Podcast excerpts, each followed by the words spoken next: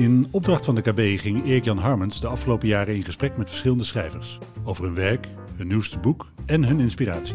De leukste interviews stellen we nu opnieuw voor jullie beschikbaar. In deze serie Gesprekken met schrijvers. Volg de KB voor nog meer inspirerende podcasts over literatuur, erfgoed en bibliotheken.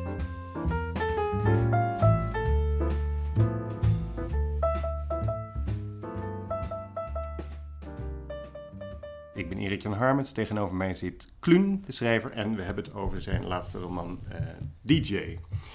En een roman over een schrijver en een DJ. eh, die bevriend zijn al heel lang. En beide te maken hebben met eh, het fenomeen roem. En beide te maken hebben met een rand. En laten we eens beginnen bij die roem. Eh, achter op de roman staat dat het een spannende roman is over broederschap en de leegte van roem. Dat is Ja. een quote van Armin van Buren. Ja, Wat zou hij daarmee bedoelen met die leegte van roem?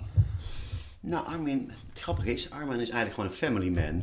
ik heb eh, Armin, eh, ik ken hem een beetje, ik ontmoette hem een keer bij een, eh, een bruiloft voor het eerst in Ibiza. En er liepen allemaal hippe types rond. En toen vroeg iemand, maar wie is nou eigenlijk die bekende DJ? Ik zei, nou, degene die het meest op een boekhouder lijkt. En Armin had een beetje, sorry Armin, hij had een beetje een soort glimmend pak aan met, met, met ja, puntschoenen Ja. en dan een keurig kapsel. Ehm, en dat, dat typeert hem ook, weet je wel. Armin is gewoon een, eh, ja, een, hele, een hele lieve, hele intelligente jongen met, eh, met, een- met een eh, dochter. Eén dochter heeft hij volgens mij en een vrouw. Ja. Eigenlijk alles wat een DJ niet is. Dus zijn werk, hij is gek van muziek. Dat is hij altijd al geweest. En, ehm, eh, en hij reist de wereld over. En hij vindt optreden vindt hij fantastisch. Maar alles wat er omheen zit is eigenlijk niet zijn wereld. Dat is ook leeg. Eh, maar er zijn ook DJ's die daar, eh, ja, die daar heel goed, eh, die die lifestyle echt op, de, op, de, op het lijf geschreven is. Chesto bijvoorbeeld, dat is de eeuwige vrijgezel en die is ook onze leeftijd. Armin is iets jonger.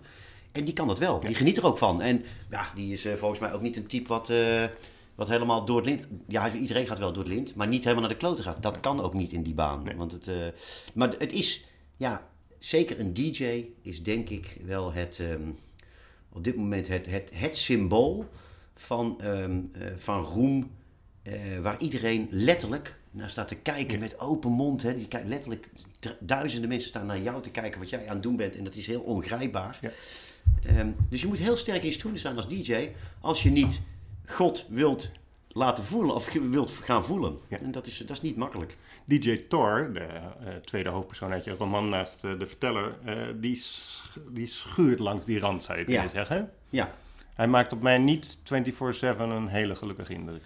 Nee, ik denk dat hij. ehm, ehm, hij is eigenlijk een karikatuur van zichzelf geworden. Het is een, eh, een jongen die is al sinds de middelbare school eh, drive-in DJ eh, was. En toen is hij daarna ging hij disco draaien. En dan ging hij de eerste new beat plaatjes en zo uit België halen. De voorganger van de house. En, is Ja. hij, ehm, en hij is gek van muziek. Maar hij zit in een wereld daar in Las Vegas. Waarin eigenlijk dat, dat kleine onderdeeltje van muziek maken, muziek draaien, is, is, of dat, dat is echt maar een klein onderdeel van die hele machine. En daar is hij zo aan gewend. Hij is er zo aan gewend dat hij van hot naar her wordt gestuurd eh, naar, eh, voor, voor, zijn, voor foto's van zijn, zijn nieuwe zonnebrillenlijn, Fuck Me I'm 40. Ja. En hij is het, vindt het heel normaal dat hij in de VIP-rooms even handjes moet schudden met iedereen. Ehm er is ook allemaal niks mis mee, maar eigenlijk is hij steeds verder weggeraakt van wat hij goed in is. En dat krijgt hij pas door op het moment dat hij eh, in een seksschandaal belandt en de hele wereld hem uitkost. Pas dan, Waarom niet eerder? omdat het ook een levensstijl is waarin je heel makkelijk. ehm, ja, je hebt ook schrijvers die spelen. ehm, je kunt, laat ik zo zeggen, als je schrijver bent, kun je er een lifestyletje van schrijven. Dan kun je de schrijver uithangen. En de een doet dat eh, zoals Deelder. En daar bedoel ik dus niet mee dat eh, Deelder en andere schrijvers dat het geen goede schrijvers zijn. Maar Deelder is gewoon een, ja, dat is gewoon een, een mediapersoonlijkheid. Connie Palme ook.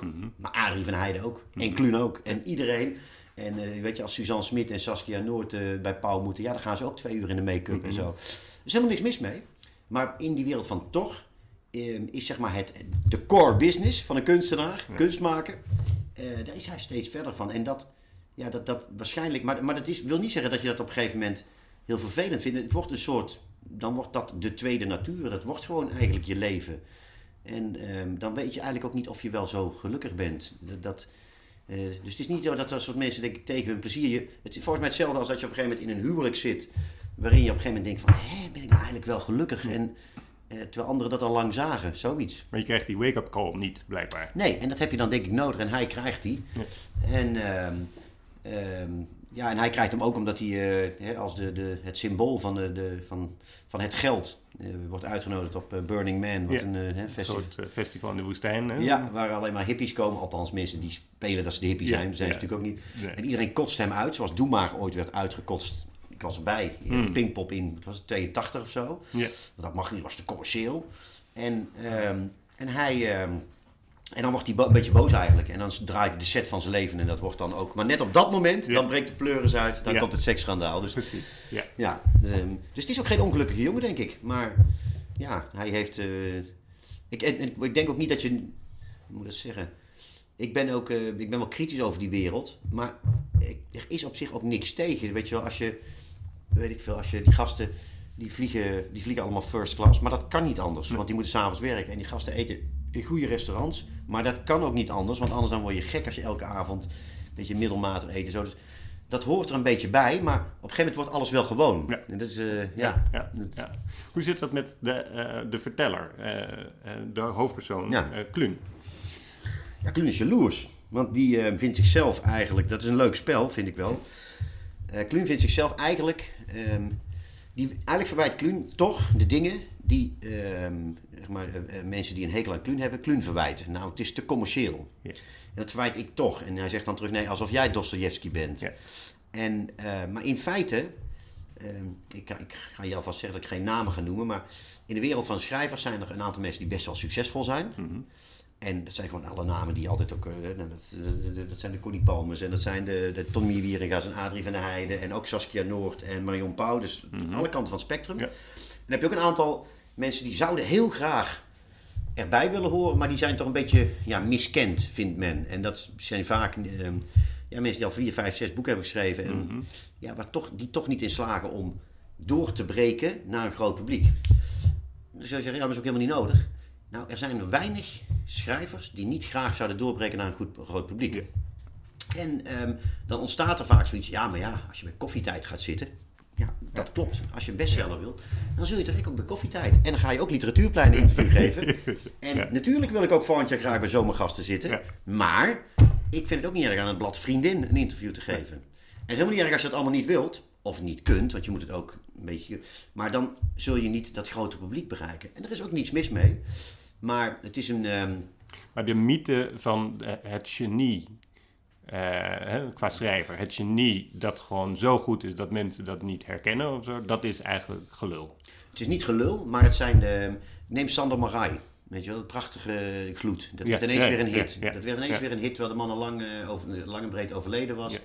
En dat gebeurt vaak. Hè. Wat hadden we laatst, die 90-jarige Nederlandse schrijver, honderd, die, die nu ineens door de New York Times is Hmm. Ontdekt. Reven wordt herontdekt hè, de- door de, de- Dus dat gebeurt wel. Hmm. Natuurlijk, dat kan. Het gebeurt soms ook pas na iemands dood. Ja. Dat, dat Ja, zeker. Ja. Eh, Stoner, John Williams. Ja, en, maar ook componisten, grote componisten die dat meemaken. Ja, eh, maar ehm, het is, laat ik zo zeggen, ehm, een goed boek met voldoende media-aandacht wordt altijd ontdekt.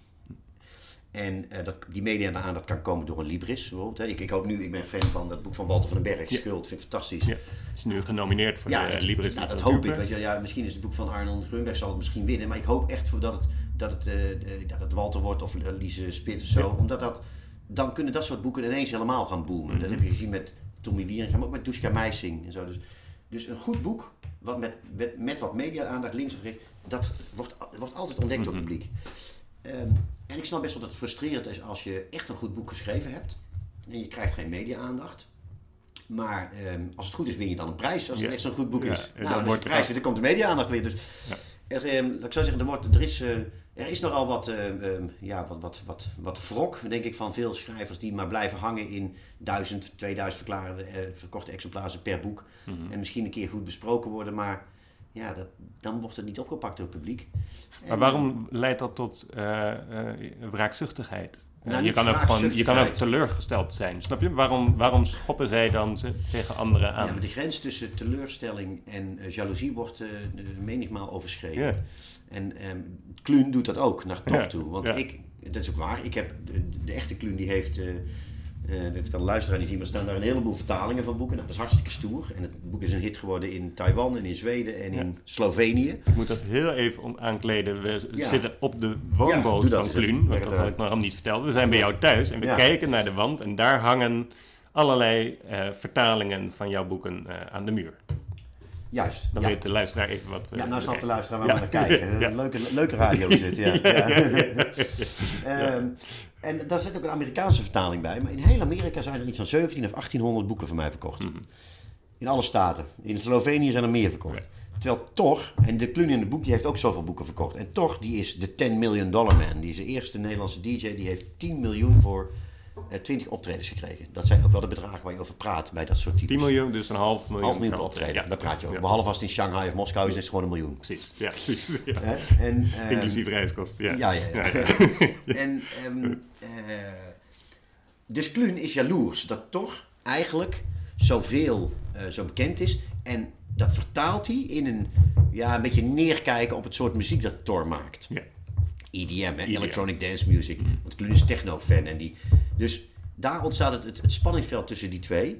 Dus eigenlijk verwijt Kluun toch wat uh, heel veel um, zeg maar commercieel minder succesvolle schrijvers Kluun of ja. ook Herman Koch verwijten.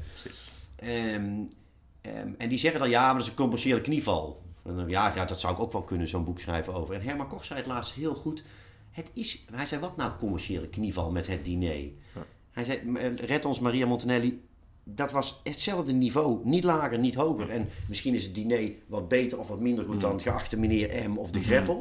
Maar dit is gewoon mijn stijl. Ja. En op het moment dat een boek dan wordt opgepikt zoals diner, internationaal, en dan wordt er zoveel van verkocht, dan heet dat geen commerciële knieval. Nee, dan krijgt het ineens succes. En dat gebeurt uh, soms. Um, maar, um, zeg maar, de, ja, dat, dat is het, denk ik, wat Kluun dus uh, toch verwijt. Dat is hetgene wat, uh, wat, wat, ja, wat sommige schrijvers Kluun uh, verwijt. Ja. Van ja, maar ja, dat, dat, als je het zo doet, kan ik het ook. Ja. Maar dat is niet zo. Nee, stiekem. nee. nee, dat is niet zo. Nee, doe het maar. Nee, ja, ja, ja. nee succes. Doen. ja, ja, ja. Want waarom is dat zo moeilijk? Je zegt bijvoorbeeld bij Herman Koch van, uh, die benadrukt dat hij eigenlijk altijd dezelfde stijl is blijven volhouden. Volgens mij staat hij redelijk uh, autonoom in het leven, om absoluut, het zo te zeggen. Absoluut. Ik ben nu net zijn, zijn boekenweekboekje heb ik... Uh, ja. Waarom is het zo moeilijk? um, nou, wat er moeilijk aan is, ik krijg vaak complimenten. Mensen zeggen, ik heb het in één dag uitgelezen. En dan komt komma en het grootste compliment kan... En ik denk, zo jammer, want dan moet ik weer, moet ik weer twee jaar wachten. Nou, dat zijn de complimenten die je als schrijver moet kijken. Het maakt mij niet uit als mensen zeggen, wat kun jij goed schrijven? Die krijg je ook wel eens. Ja. En ik kan me wel voorstellen dat mensen zeggen, ja, ik vind die schrijven niet zo... is niet mijn stijl. Dat kan. Mhm. Maar waar zit het werk nou in? Om dat voor elkaar te krijgen, dat je als lezer denkt, holy shit zeg, ik kan niet stoppen. En ik vind het jammer dat het uit is. En dat is in Nederland een zwaar onderschatte kwaliteit. Want de, de DJ, de, wat nu uit is, de, het boek wat hier ligt, dat heeft 81.000 woorden. De eerste versie was 115.000. Nee. En het is helemaal ondersteboven gegooid. Ik heb Kluner ingeschreven, want het eerste versie waren er twee DJ's. Oh. En zeker de laatste jaren heb ik alleen maar zitten schaven aan het boek. En daar zit het hem in dat mensen dan op een gegeven moment zeggen: Ja, het leest als een trein. Hoe krijg je het voor elkaar? Het leest zo makkelijk, alsof je het zo hebt opgeschreven. Nou, dat is dat werk. En ik verdenk, um, soms schrijven ze wel van. Ja, kijk, mooi schrijverij, uh, dat vind ik, dat moet je doen als je Tommy Wieringa bent of als je AFT van Heijden, als je ook echt heel mooi kunt schrijven. Maar er zijn heel veel schrijvers die kunnen helemaal niet zo mooi schrijven. Die denken dat moeilijk schrijverij mooi schrijverij is. En um, ja, de kunst is, uh, denk ik, um, om elk, om alles uh, in het verhaal, dat is, nou, dat is mijn stijl, alles in het verhaal uh, moet ten dienste van het verhaal staan. Um, en dan bereik je ja, dat mensen echt genieten van het lezen. En, uh, en je kunt genieten van de schoonheid van taal. Maar ik denk dat er heel veel mensen zijn die een soort, ja, ik noem het altijd een literatuurlijsttrauma hebben. Die, Mm. die lezen associëren met iets dat moet. Nou, dan is het heel fijn als je mensen weer aan het lezen krijgt dat ze denken, het is eigenlijk toch wel leuk. Ik ga weer wat meer lezen of zo. Ik vind dat vind Ja. het leuk. Dat is, mijn, uh, dat is mijn doel. En ik ben er dus heel trots op als mensen ja, dat, uh, dat, dat mensen mijn boeken uitlezen en met plezier uitlezen. En Ja. hopen dat er zo snel mogelijk weer een volgende komt. En, Nou, ik heb het boek ook met heel veel plezier gelezen. En met name, nee, maar werkelijk.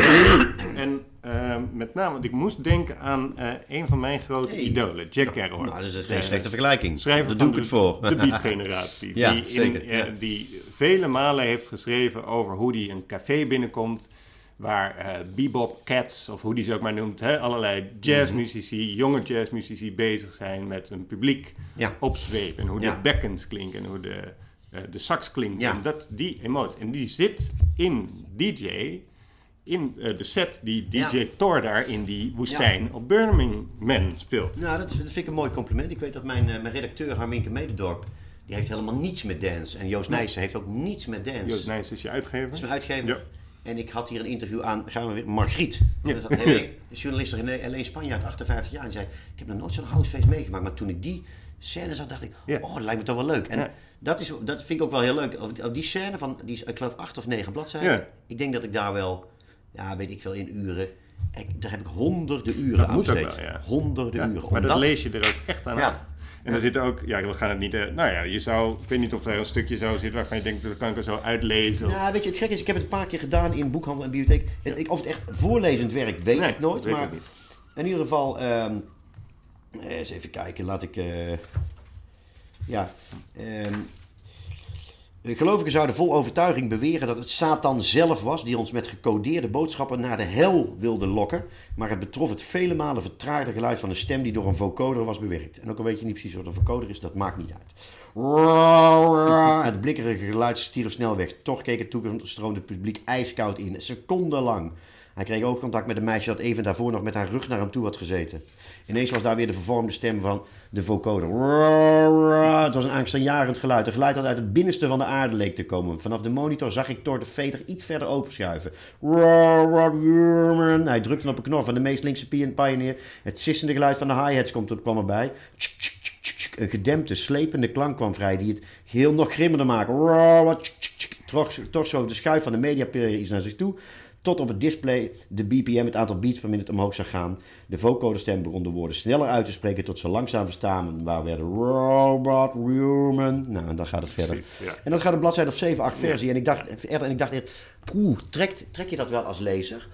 En de grap was, ik zat met ehm, Sander Kleinenberg, DJ. Ja? Die heeft hier in dit stuk meegelezen. En die zei op het eind: Ja, ik, ik denk dat het veel te lang is voor iemand die niet van DJ houdt. En juist iedereen die niets met dance heeft, die heeft het is. Oh, fuck, dus dat doet een DJ. Nou, dus dat gedeelte is ook echt mijn ode. En, Ja. aan- en dat vind ik ook leuk dat heel veel mensen het eruit halen. Dat, bijna eh, een raamvertelling, ja. ja, ja. ja. en de Arminke Mededorp, dat vond ik een hele leuke, die zei, die zei de mij... redacteur? De redacteur, sorry, ja, sorry luisteraars, ze zit hier niet bij, maar... ehm, die zei, eh, die- ik werk al 13 jaar met samen, die zei van dit, dit, is, dit vind ik het beste wat je ooit geschreven hebt. En dat, dat vond ik heel leuk. Ik denk, oké, ja, zo had ik het zelf helemaal niet gezien, maar dat kreeg ik steeds meer mensen... En dat vind ik ook wel leuk, omdat het toch wel een aanklacht tegen de DJ-wereld is. Vind ik het wel leuk dat... Wat mensen blijkbaar het meest oppikken is dat stuk wat juist de ode aan De die ode, DJ ja, ja, is. ja, Dus dat, eh, Ja. dat is ook wel wat genoegdoening voor de DJ's naar Kluun toe. Zeg Maar je, maar je zegt ook van, ik had niet verwacht. Tegelijkertijd zeg je, ik heb er honderden uren in gestoken. Nou, vooral omdat ik wist dat dit een heel kwetsbaar stuk was. Ehm, ik, ik probeerde hiermee, met dit stuk... Het is nogal wat. Acht Ik kan me voorstellen als je als luisteraar zegt eh, van... pff, Acht bladzijden, een DJ-set. Maar dat is juist, ja, zoals je net van, van Kerouac zegt... Of hoe spreek je ze met Kerouac. Kerouac, ja, het Ja. blijft moeilijk. Ja, ja. Dus zegt, of... ehm, weet, weet je wie dat ook zo goed heeft, vond ik? Ronald Gippard in Troost. Hm. Toen had ik voor het eerst, het ging over een topkok... Voor het eerst dacht ik van, ja, dus dat... Daarom zijn dat soort gasten topkoks. Ja, precies. daarom is het topsport. Ja. En in heel goede sport- sportliteratuur heb je dat ook. Hè? Ehm, Dus het, het is heel mooi om, een, om de lezer voor, voor het eerst iets te laten eh, zien van een wereld waar hij helemaal niets van weet. En dat hij dan, oh, oké, ja, nou snap ik pas waarom dat zo, waarom iemand gek van auto's kan zijn, of gek van bloemen, of gek van, het maakt niet uit wat. En dat, dus het- ja, dat vind, ik, eh, vind ik leuk. Ja, ja. Nee, eh, maar het is ook net alsof je, alsof je vertraagt. Dus, hè? Er zit heel veel vaart in het boek en daar vertraag je. Ja, Bijna ja. alsof je de pitchknop soort Klopt, ja, omlaag ja, om in je is- te blijven. Dat trek je dus heel goed. Ik ben blij dat je daar acht pagina's voor hebt genomen.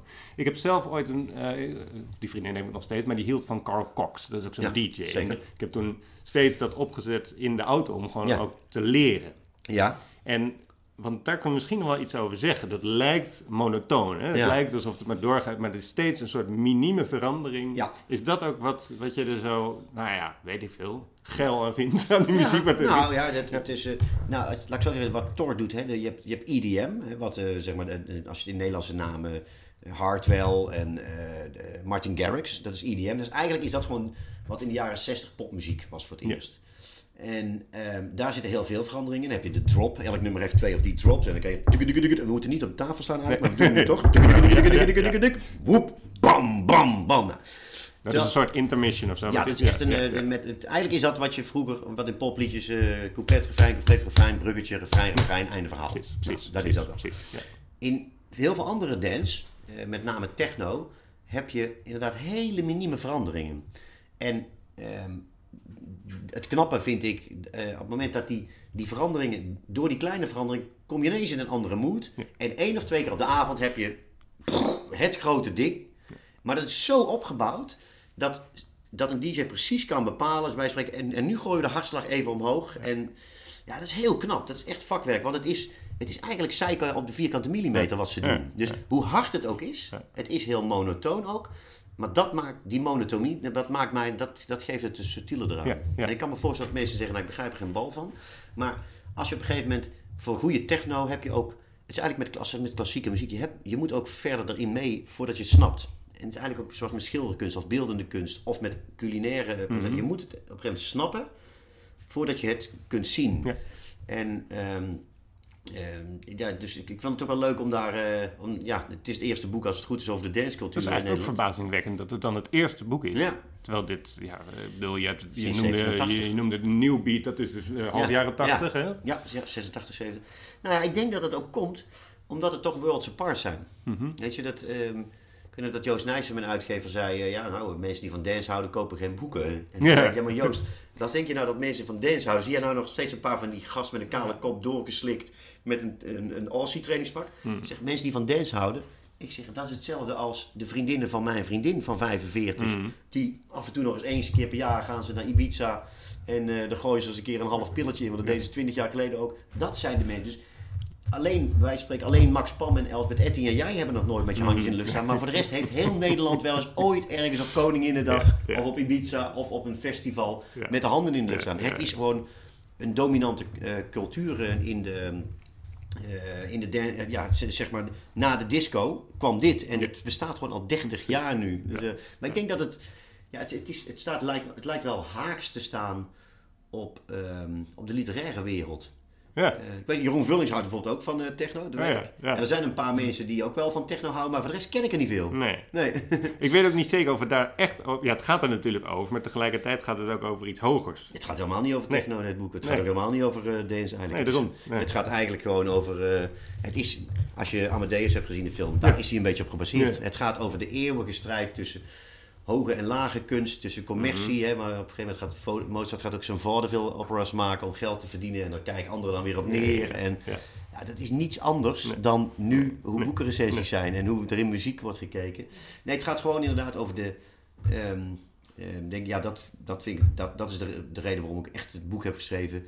Ehm, roem, dat lijkt wel in de jaren tachtig was geld het ding. En staat en roem is nu, dat is het ding. En dat merk ik ook aan mijn dochters. Als die 20 likes hebben op een post, dan zijn ze ook door dolle heen. Ja. Ik doe het zelf ook heel kinderachtig. Als ik vind dat ik een leuke tweet heb geschreven, dan ga ik ook kijken hoeveel Ja. retweets ik Ja. heb. Nou, eh, waar gaat het over? Waarom hebben we dat nodig, roem?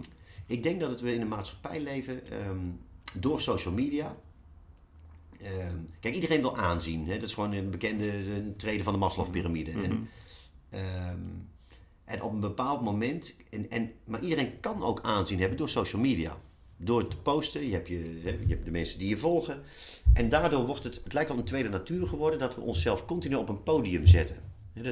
Alles wat je op social media doet, is een podium. Mhm.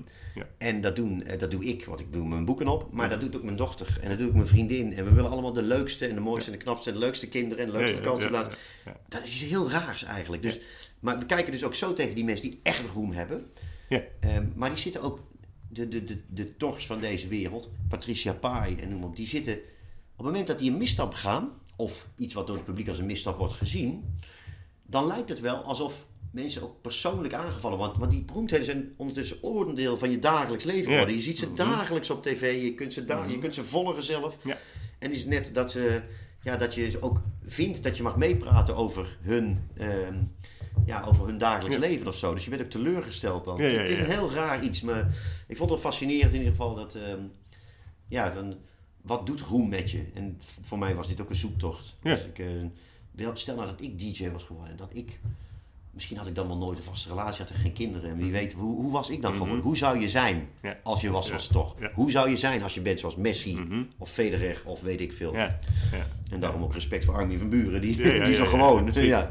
Maar wat doet Roem dan met eh, jou? En dan praat ik even over Kluun in de tweede persoon. In de zin van jij tegenover me. Niet de, Oeh. niet de Kluun uit de roman. Ehm, ja, gek genoeg niet zo heel veel. Ehm, ik, ehm, eh, ik was 36 toen ik bekend werd. Eh, nee, wacht, nee, 39. En daarvoor had ik, eh, ik had eigen bureaus gehad en zo. Dus ik had, ik had een carrière wel op zitten. In de reclamewereld. Reclamewereld. Ik had al wel, wel dingen meegemaakt. Mijn vrouw is overleden. Ik had een kind en alles. En als je pas op dat moment bekend wordt, dan, ah, ja, dan kun je dat wel met iets meer met een korrel zout nemen, zien. Neem een korrel zout nemen. Ja, ja. Ehm, en ehm, ik, ik dacht al heel snel van ja, Kluun is gewoon, je moet ook zorgen dat mensen Kluun kennen en dat het, eh, ja, dat, dat het een beetje blijft hangen en zo. En, dus ik, ik heb bij- bijna mezelf ook als een soort merk gezien. En ik ben volgens mij niet anders geworden. Ik heb ook dezelfde vrienden. Ik heb wel wat meer vrienden gekregen, maar er zijn ook wat, meer, wat een paar afgevallen. Zo gaat, Ja. gaat bij iedereen. Ja.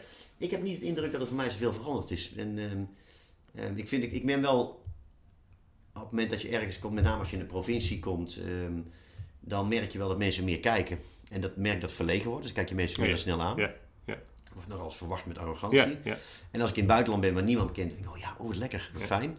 Maar het, ik, ik vind het ook niet erg. Ik, ik, ehm, ja, ik moet zeggen, mensen zijn ook aardig tegen je als, je roem, eh, als, je, als je roem hebt, gek genoeg. En dan andere mensen die, eh, die vinden dat uh, toch een beetje naar of zo. Die, Nou ja, en er is nog een fenomeen eh, dat ik toch nog heel even wil aansnijden. Want dat gebeurt misschien bij mensen met roem dat ze, niet bij allen, maar dat ze bang zijn dat ze die roem kwijtraken. ja, Dat dat een soort ja, edge is waar je op zit. ja, ja, dat, dat- ja, die voorbeelden zijn... Ik denk dat zit, zit echt meer in de mediapersoonlijkheden. En, ehm, ik, ja, ik, heb, ik kan er goed mee omgaan, met het feit dat je overal herkend wordt. Ja. Maar ik, eh, het is niet mijn identiteit. Ik ben niet mezelf kwijt op het moment dat mensen me niet meer herkennen. Mhm. En ik merk bijvoorbeeld bij jongeren, ik heb natuurlijk vijf jaar geen boek geschreven. Ja, als ik ergens op een... eh, een- ik denk, de meeste kinderen van 18 die herkennen mij niet eens. Mhm. Ja, nu weer wel, dan kom je wel eens op tv, maar... ja. En het, het is ook wel een verschil of je schrijver bent en als je elke avond op tv bent. Ja. Dat, dat, ehm, ja, god, ik, eh, nee, ik, ik, heb, ik, ik, ik vind het niet, niet, niet heel erg, maar het, het, het maakt me wel eens. eh, ik zorg bijvoorbeeld wel eens met iemand afbreken in een, eh, in een café of zo. Dat, zegt, dat kom wel op tijd, want er is niks zo vervelend als je een bekende kop Ja, hebt en, en je zit, in je eentje zit een half uur alleen. Ja, Dus, eh, ja, ja. Maar ja, iedere, alle, alle mooi, nou vooral mooie meisjes denk ik, die weten dat al sinds hun puberteit. Die worden continu bekeken. Nou ja, dat heb ik op mijn 38, zodat je ook bekeken, bekeken wordt. Maar met, min, met minder leuke voorstellen over. Ja, Dus, ja, ja.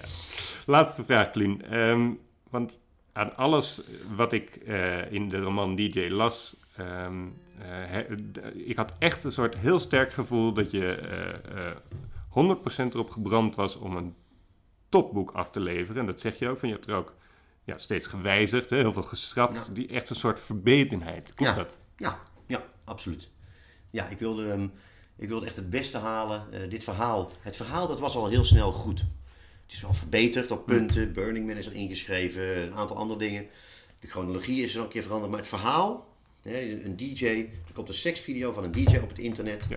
En de hele wereld weet dat al voordat hij het weet. Ja. Dat was het uitgangspunt. En wat doet dat dan? Nou, dat verhaal zat er heel, maar het was nog niet goed geschreven. En, daar heb ik, en toen dacht ik van, ik ben het ook aan het verhaal verplicht om het gewoon op het, aller, op het allerbeste uit mezelf te halen. Nou, Maar te omslachtig, of wat, was, wat scheelde eraan? eh, gewoon technisch niet goed geschreven. Mijn, ehm, mijn manier van schrijven is een beetje zoals een, eh, ik denk zoals een muzikant. Je begint met een riffje en dan dit en dan komt dat erbij. Ja. Eh, terwijl ik weet van heel veel schrijvers, van, van Tommy Wieringa, van Christophe Fekerman, maar ook van Saskia Noord.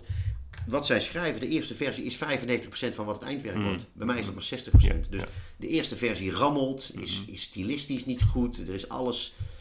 En ja, dan langzaam maar zeker wordt dat, ja, dan zie je het, het beeldhouwwerk ontstaan of Ja. zo. Ehm, en ja, daar wil, die verbeteren.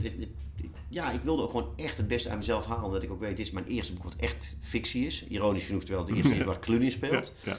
En ehm, ja, dat, dat, dat, eh, ik wilde ook echt uh, zorgen, nou, dit moet gewoon zo goed worden, hier moet niemand omheen kunnen. En eh, lezers niet, eh, de vakpers niet. En ehm, ja, en volgens mij heeft het gewerkt. Dus, ehm, En is dat dan, eh, een, eh, zit er dan een zucht naar erkenning in? Tuurlijk. Je kunt heel, kijk, je kunt heel stoer zeggen van dat heb ik niet nodig. Maar iedereen... Kijk, misschien dat mensen als eh, pff, Theo van Gogh of eh, Ja. misschien Hans Theeuwen...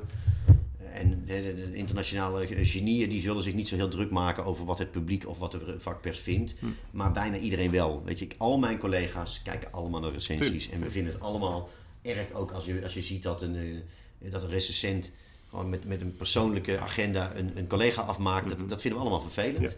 En we vinden het ook vervelend als een boek wordt afgekraakt, want dit is gewoon niet leuk voor iemand. Maar ehm, ik denk dat mensen altijd kinderen zijn en je wilt altijd erkenning hebben van eh, mensen die eh, er verstand van geacht worden te hebben. Maar je wilt ook, ehm, ja, je wilt gewoon dat mensen zeggen, ja, eh, dat, dat boek doet ertoe. Of dat muziek, dit nummer, dit kan een klassieker worden of zo. En ja, en dat is erkenning. Maar het zou denk ik ook niet goed zijn als je dat verliest. Als je de, de, de drive, het was, eh, ik ben Springsteen fan en die, die zegt in een van zijn eh, optredens, zegt hij, of zegt hij altijd van, eh and that's why we're here night after night after night after night. Weet je, en dan kun je ook denken, jezus man, je bent 67, je, je bent eh, drie of wat, je bent duizend keer binnen. Ja. Waarom ga je nog toeren? Nou, gewoon omdat je continu wilt bewijzen aan het publiek, ik ga jullie vermaken en I'm gonna give you the best night of life. Nou, en dat heb ik ook. Ik wil, ehm, sterker nog, het is zelfs, eh, het is bij mij de laatste jaar erger geworden. Ik heb pas geleden een tattoo laten zetten, Stay Hungry, eh, Oh ja. Springsteen tekst, een half jaar geleden. Omdat ik echt in de fase zit, ik denk, ja, ik wil gewoon met een verbeterheid wil ik gewoon het allerbeste uit mijn talent halen. Ja. Ik, Paul Verhoeven, dat voorbeeld dat hij, als je vier maanden naar de nonnen gaat om Frans te leren, ja, ja. om met je favoriete actrice samen te werken. Als je 78 bent, nou, Ja, ja. dan ben je, voor mij ben je zo'n eh, zo'n held. En ik weet niet of ik op een 78 nog werk, maar ik wil wel, zolang ik wil werken, wil ik ook echt het beste uit mezelf halen. En ehm, ja, en, eh, dus de, ik ben nog niet klaar. Ik vind het leuk ook.